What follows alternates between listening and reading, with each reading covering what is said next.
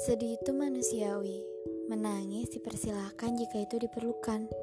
Tapi yang namanya kecewa harus ada batasannya. Gak boleh tuh terus-menerus sampai akhirnya menyakiti diri sendiri. Menutup diri bukan solusi. Aku tahu jiwa ini terluka. Dunianya terlalu jahat.